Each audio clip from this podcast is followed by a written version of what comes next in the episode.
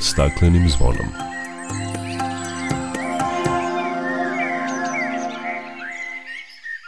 Dobar dan. Na talasima Radio Novog Sada, kao i svake nedelje u isto vreme, počinje emisija pod staklenim zvonom posvećena temama iz oblasti zaštite životne sredine. Danas ćemo vas informisati o aktivnostima države na očuvanju životne sredine i investicijama u ekološke projekte. Upoznaćemo vas i sa prekograničnim IPA projektom Srbije i Mađarske u vezi sa izgradnjom biciklističkih staza kroz te dve zemlje.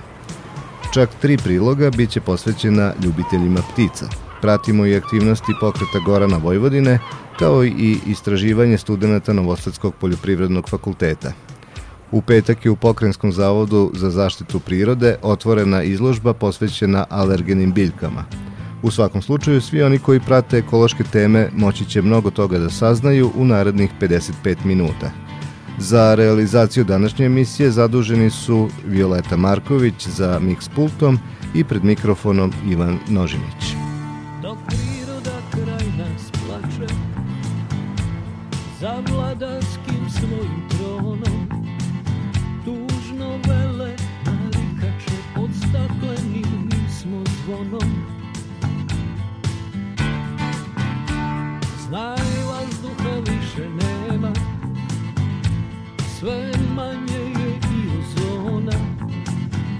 Protiv sebe ide čovek i to često bez pardona.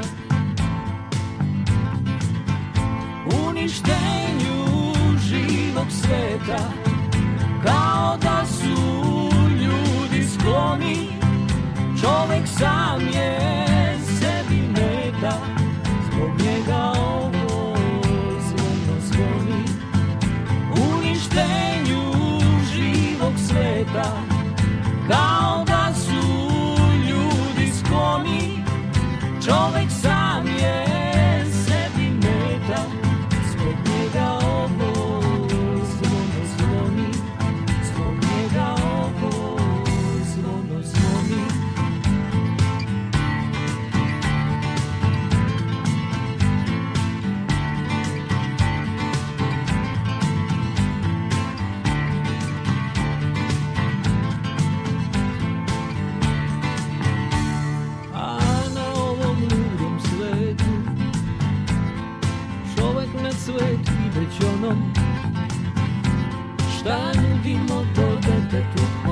Stakleni kad smo zvonom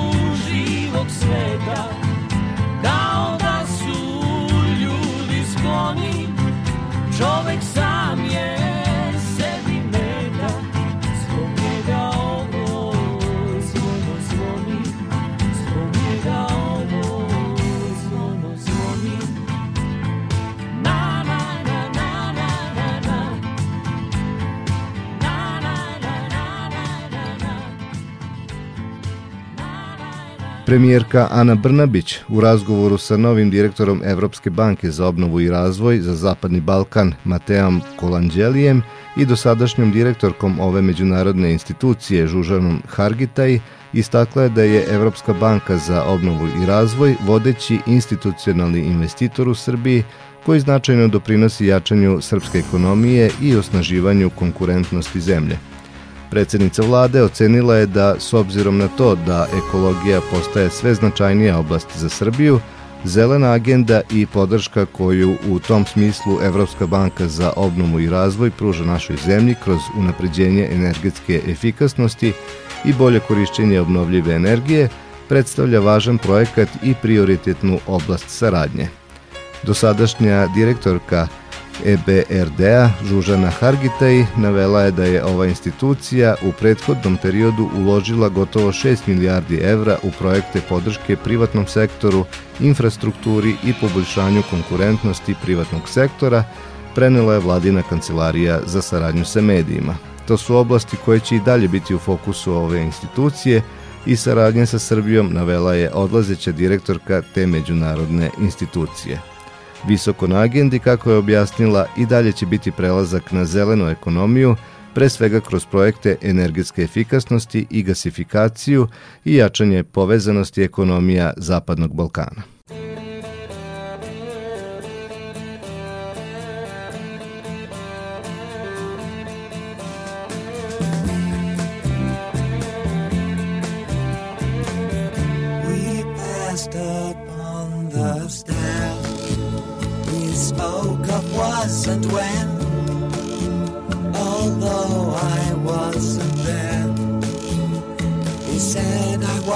His friend, which came as some surprise.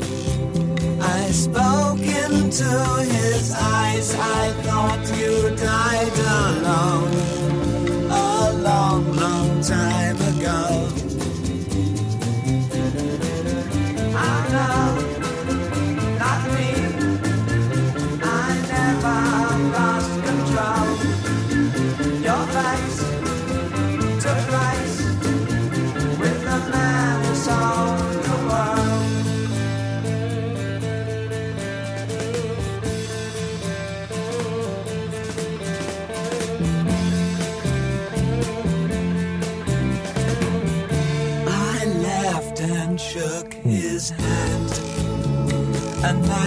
my way back home.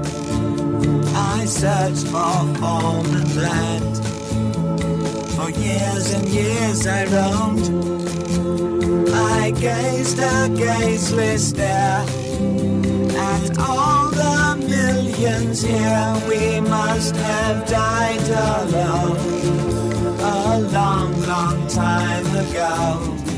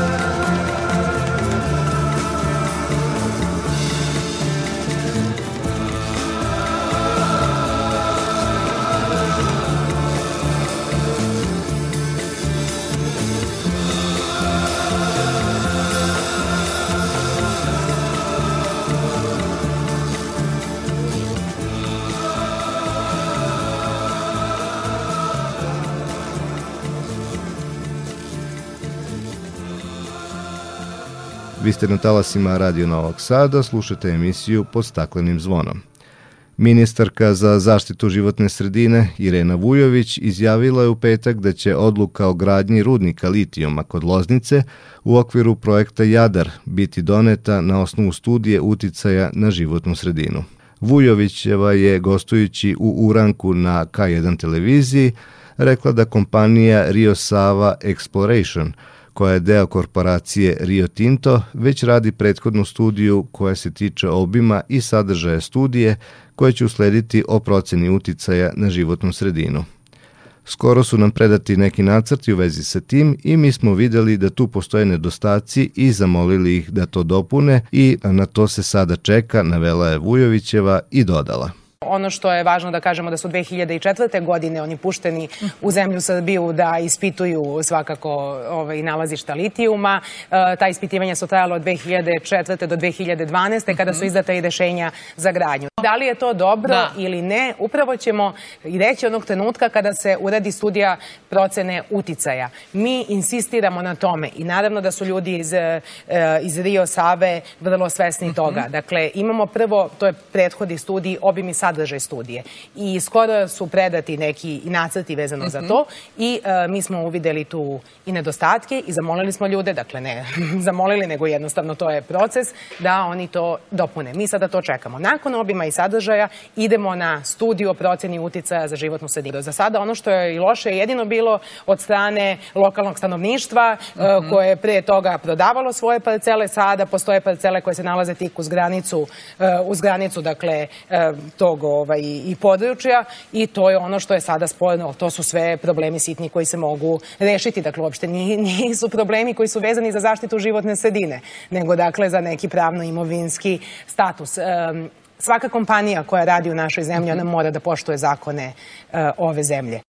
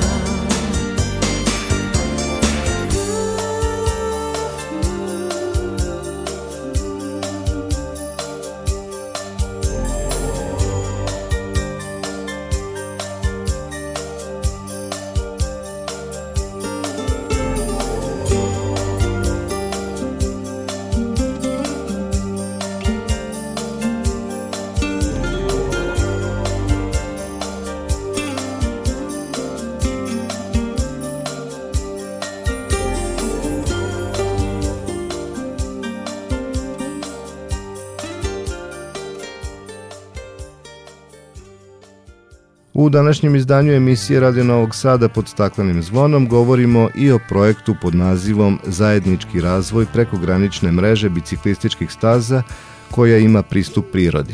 Reč je o IPA projektu prekogranične saradnje Srbije i Mađarske. Cilj akcije je razvoj međunarodnog biciklističkog koridora Eurovelo 11 u Mađarskoj i Srbiji. Ova biciklistička ruta proteže se od krajnje tačke severoistočne Norveške preko Srednje Evrope do sunčane Grčke u dužini od oko 6000 km. Kroz Vojvodinu se pruža od graničnog prelaza Horgoš-Reske preko naseljenih mesta Horgoš, Kanjiža, Senta, Ada, Bečej, Novi Bečej, Zrenjanin, Perlez, Opovo i dalje ka Beogradu. U prestonici Srbije ova trasa se spaja sa međunarodnom biciklističkom rutom Eurovelo 6. Više od polovine rute se prostire duž nasipa na rekama Tisa i Dunav. Tako su biciklisti blizu reka izbegavajući preopterećene puteve, a obezbeđujući pristup ka zaštićenim područjima sa prelepim pejzažima i očuvanom prirodom. Na konferenciji za novinare održanoj u Privrednoj komori Vojvodine rečeno je da je prvi korak ka realizaciji ovog projekta izrada tehničke dokumentacije za biciklističku stazu od Horgoša do Kanjiže.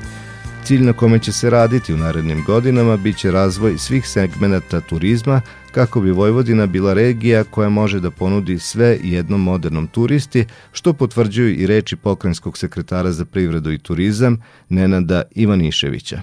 Naš cilj svakako jeste da prolaskom pandemije nastavimo sa rastom turizma, a rast turizma je moguć jedino ukoliko svi zajedno budemo jasno definisali Vojvodinu kao jedan jedinstveni turistički proizvod u kojem će svi oni koji žele da poste Vojvodinu moći da pronađu sebe i da se Vojvodini vrate.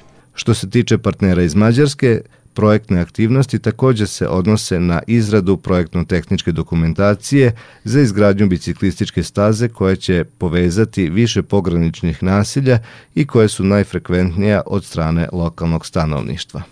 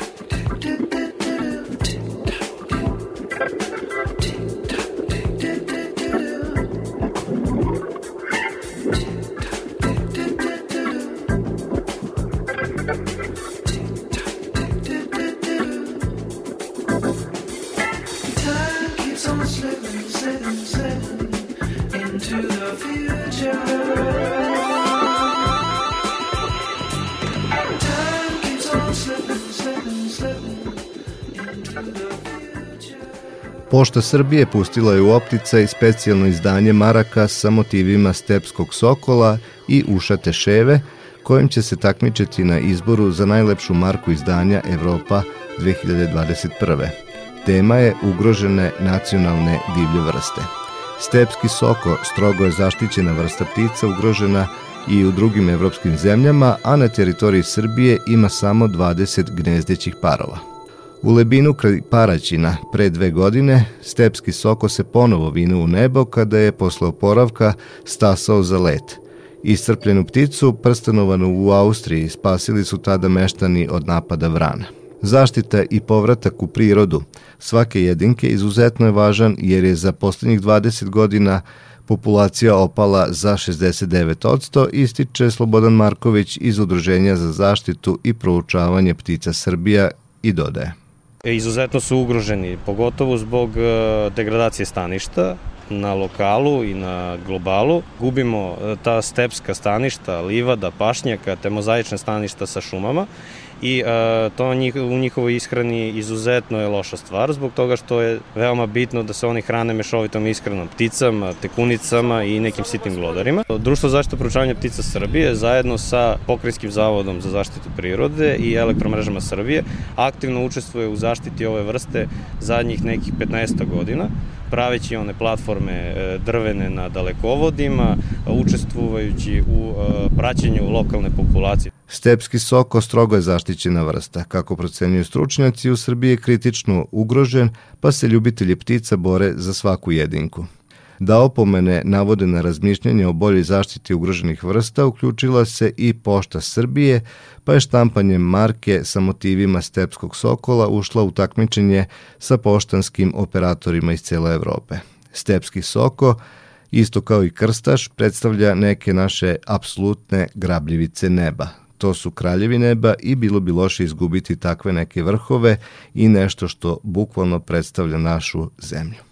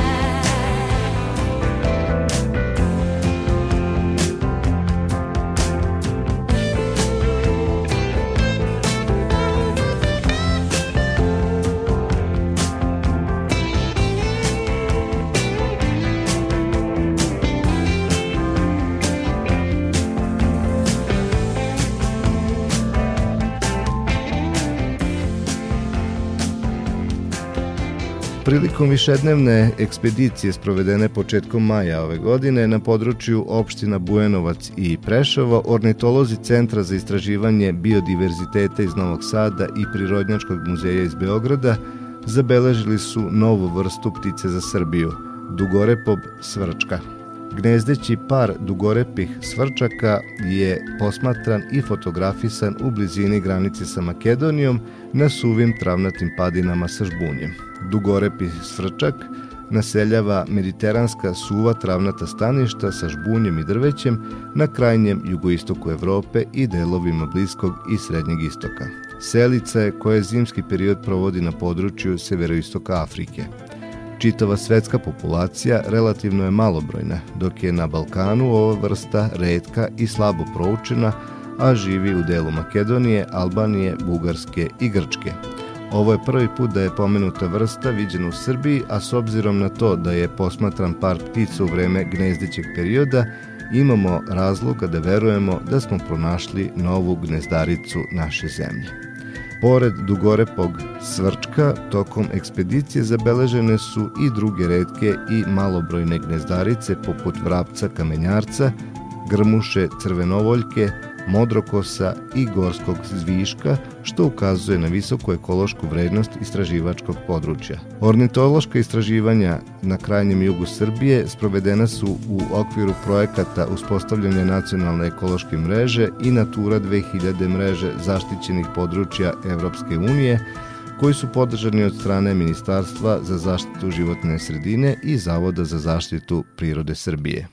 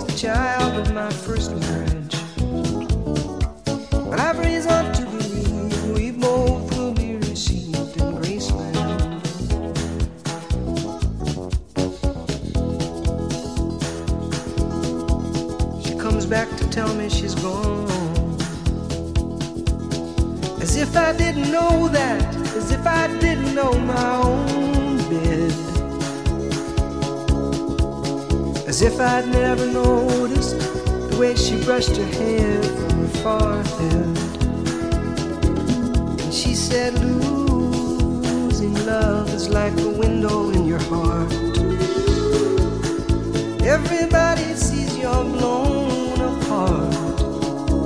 Everybody sees the wind blow. I'm going to Graceland, Memphis, Tennessee. I'm going to Graceland. Poor boys and pilgrims with families, and we are going to Graceland. Am I traveling? ghosts in empty sockets. I'm looking at ghosts and empties. Have reason to believe we all will be received in Graceland.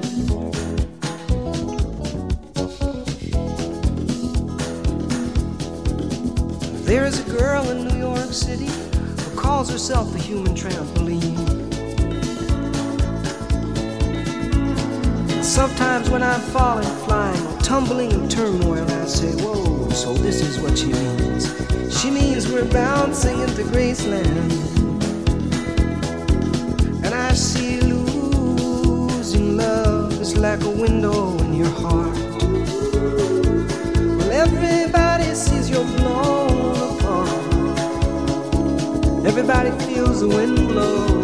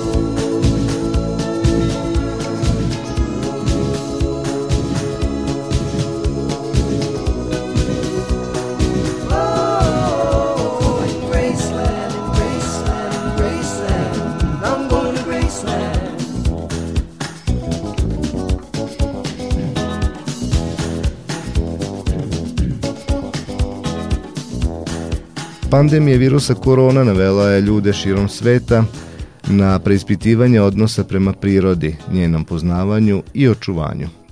Postalo je jasno da bez nje ne možemo i da ako želimo zdrav život, moramo da pazimo kako se prema njoj ponašamo. Udruženje Čovek i priroda bavi se upravo tom temom i jedno od njihovih prvih predavanja bilo je posvećeno pticama. Naša novinarka Ana Bojović reći će nam šta se to moglo čuti na predavanju i kakva je veza između čoveka i prirode. Na predavanju između ostalog bilo reči o tome da pomoću osluškivanja ptica možemo zaključiti da li je nešto u prirodi možda pogrešno, koji su to signali na koje treba da obratimo pažnju i kako da u stvari ojačamo tu vezu između nas i prirode. O čemu još bilo reči, razgovaramo sa Ivanom Đurkić iz Udruženja. Kažite nam kako je proteklo vaše prvo predavanje i videla sam na društvenim mrežama da je bio dobar odziv i da su ljudi odmah pitali kako da se uključe, kako da vam pomognu. Jeste, Udruženje Čovek i priroda u saradnji sa Društvom za zaštitu i proučavanje ptice Srbije organizovala jedno zanimljivo predavanje, kažem zanimljivo zato što je zainteresovalo ne samo decu, nego, nego i odrasle, na temu šta nam ptice poručuju. Ptice e, mnogo toga umeju da nam poruče, samim tim kao što ste rekli da su oni indikatori kako priroda funkcioniše. Da li je sve u redu e, sa prirodom, ako se ptice razbuljevaju, znači da nešto neštima u prirodi.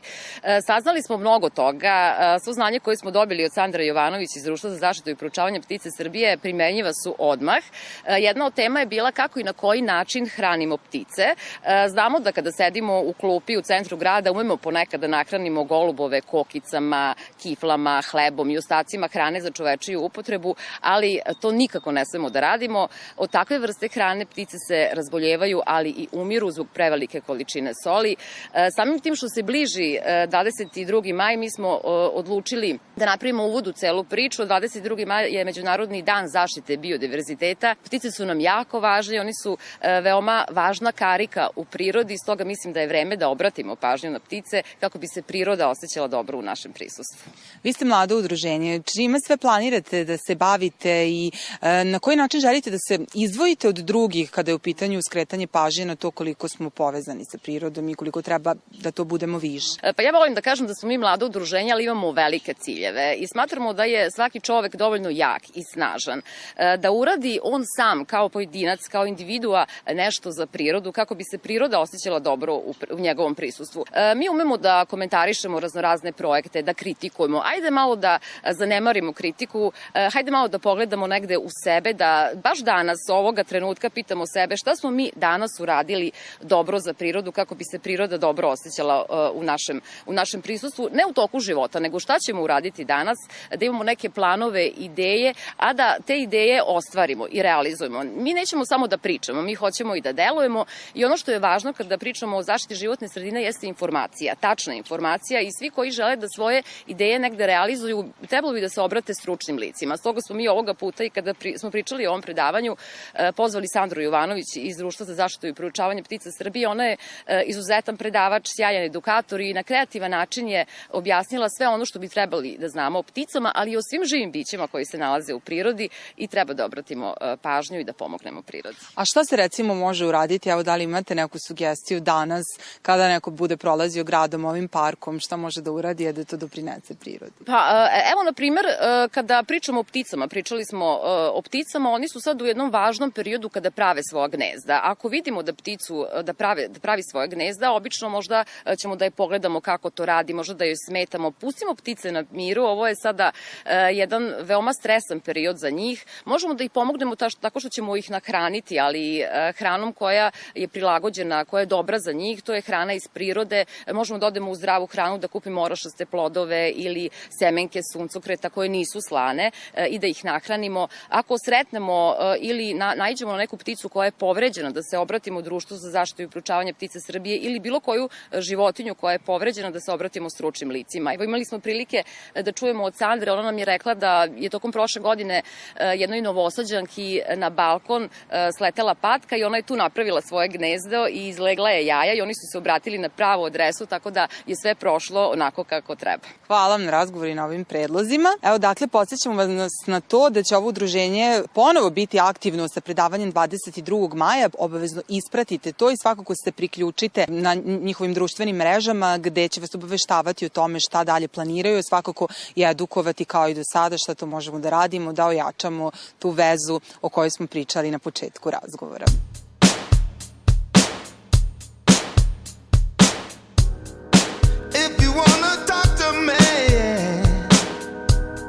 know that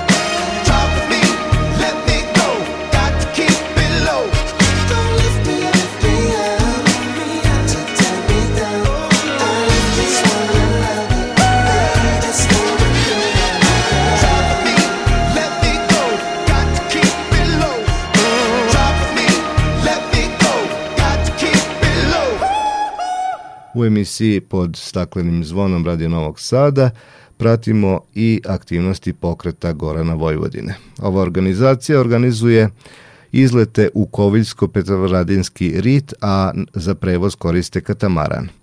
Osim toga, ljubitelji prirode mogu da iznajme i bicikle, a izleti su namenjeni svim generacijama, objašnjava Marko Ljubičić iz pokreta Gorana Vojvodine. Program koji nudimo za sve posetioce u Sremskih Karlovcima jeste obilazak Rita sa našim katamaranom, to je s našim brodićem koji je dostupan svima i gde organizujemo redovne polaske vikendom, uglavnom subotom i nedeljom, ne, pomeramo termin da li je nekad u dva, da li u tri, ali za sve informacije polaska za brod trebalo bi da prate našu stranicu Ekosrenski Karlovci na Facebooku i na Instagramu. Pored broda posjedujemo i 10 mountain bike biciklova, 5 kanua koji rentiramo isto u specijalnom rezervatu prirode Kolijsko-Pedranjski rit, a biciklovi se mogu rentirati i u samom centru Sredskih Karlovaca, a najveće interesovanje je u nacionalnom parku Pruška gora za one koji vole malo avanturistički pristup u samom nacionalnom parku. Realizujemo izlete sa osnovnim i srednjim školama na kojima učesnici upoznaju neke osnovne pravila ponašanja u samoj prirodi, upoznaju specijalni rezervat prirode Kovljsko-Petrajinski rit, realizujemo edukativne radionice s njima u Dvorskoj bašti, u samim centri Sredskih Karlovaca isto tako i na obali Duna. Znači, neophodna je najava kako bi mogli da se izorganizujemo na vreme za taj izlet i on je od 7 do 77 godina. Glavni cilj svih naših aktivnosti jeste da privučemo kako lokalno stanovništvo, tako i, i sve koji dolaze kod nas da nauče da žive sa prirodnom, to jest da se spoje sa njom i da provode aktivno vreme, to jest aktivno boravak u prirodi. Tako da nam je to neka, mogu reći, slobodna parola. Ono što je nekako posebno ističemo ove godine jeste da smo uredili brod da budemo registrovani za privredu, što nam je izuzetno bitno da možemo da radimo i komercijalne vožnje, a ne samo edukativne. To nam je nakon neka novina od ove godine, tako da se nadamo da će njegova angažovanost ove godine biti veća. Ne možemo da vozimo više od 15 ljudi po jednoj turi, tako da kada organizujemo vikend ture neophodna je najava. Najavu mogu da izvrše na našoj Instagram stranici Ekosenski Karlovci ili kontakt telefon, to je 060 0881 027 i tamo će dobiti sve dalje informacije što se tiče vreme samog polaska i koliko ljudi moguće u jednoj turi da se vozi.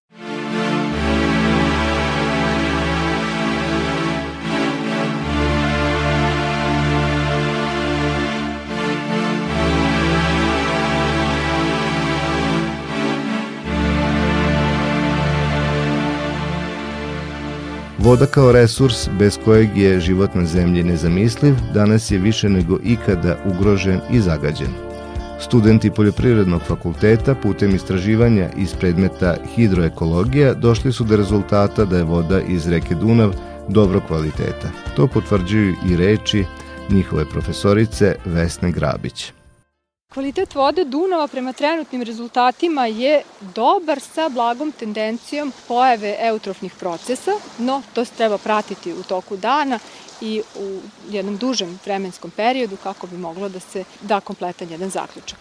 Studenti senzorima na terenu, na uzorcima iz Dunava, određuju pojedine parametre kvaliteta vode. Da čujemo i utiske Luke Mate, jednog od studenta angažovanih na projektu.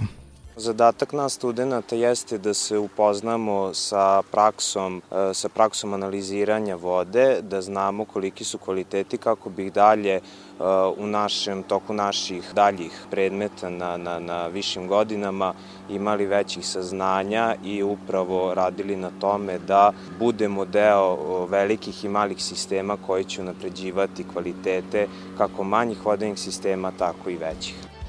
Kvalitet vode Dunava se između ostalog menja i pod uticajem vremenskih prilika. Istraživanja će trajati do kraja maja, a na taj način napravit će se presek kako se kvalitet vode te reke menja tokom jednog perioda.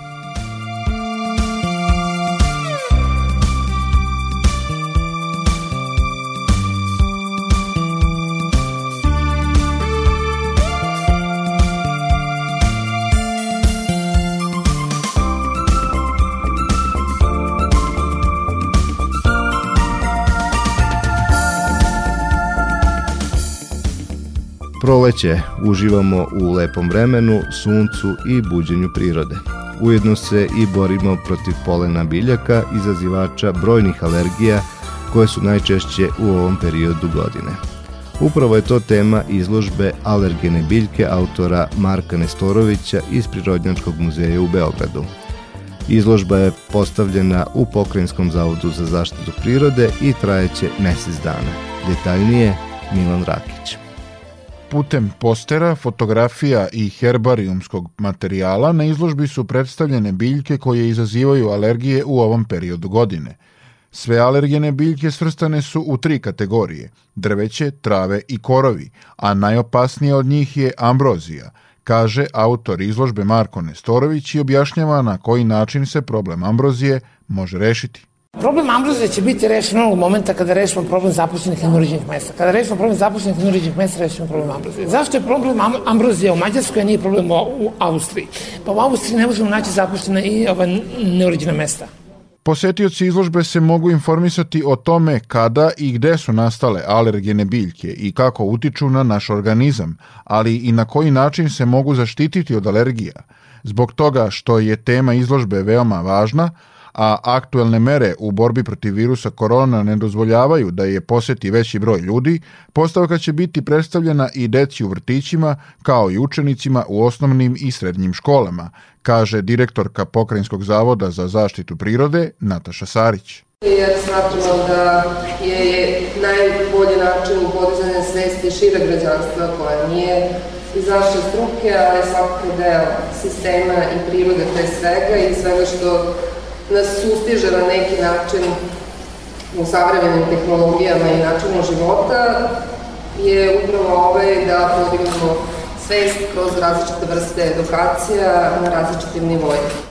Preporuke autora izložbe onima koji su alergični na polene biljaka su da ne izlaze iz kuće od 5 do 10 ujutru, kada je koncentracija polena najveća u vazduhu. Takođe treba držati zatvorene prozore u kući i kolima, a poslove napolju obavljati neposredno posle kiše ili u večernjim satima. Bilo je to sve što su vam pripremili u današnjem izdanju emisije pod staklenim zvonom Radio Novog Sada. Do sledećeg susreta pozdravljaju vas Violeta Marković i Ivan Nožinić.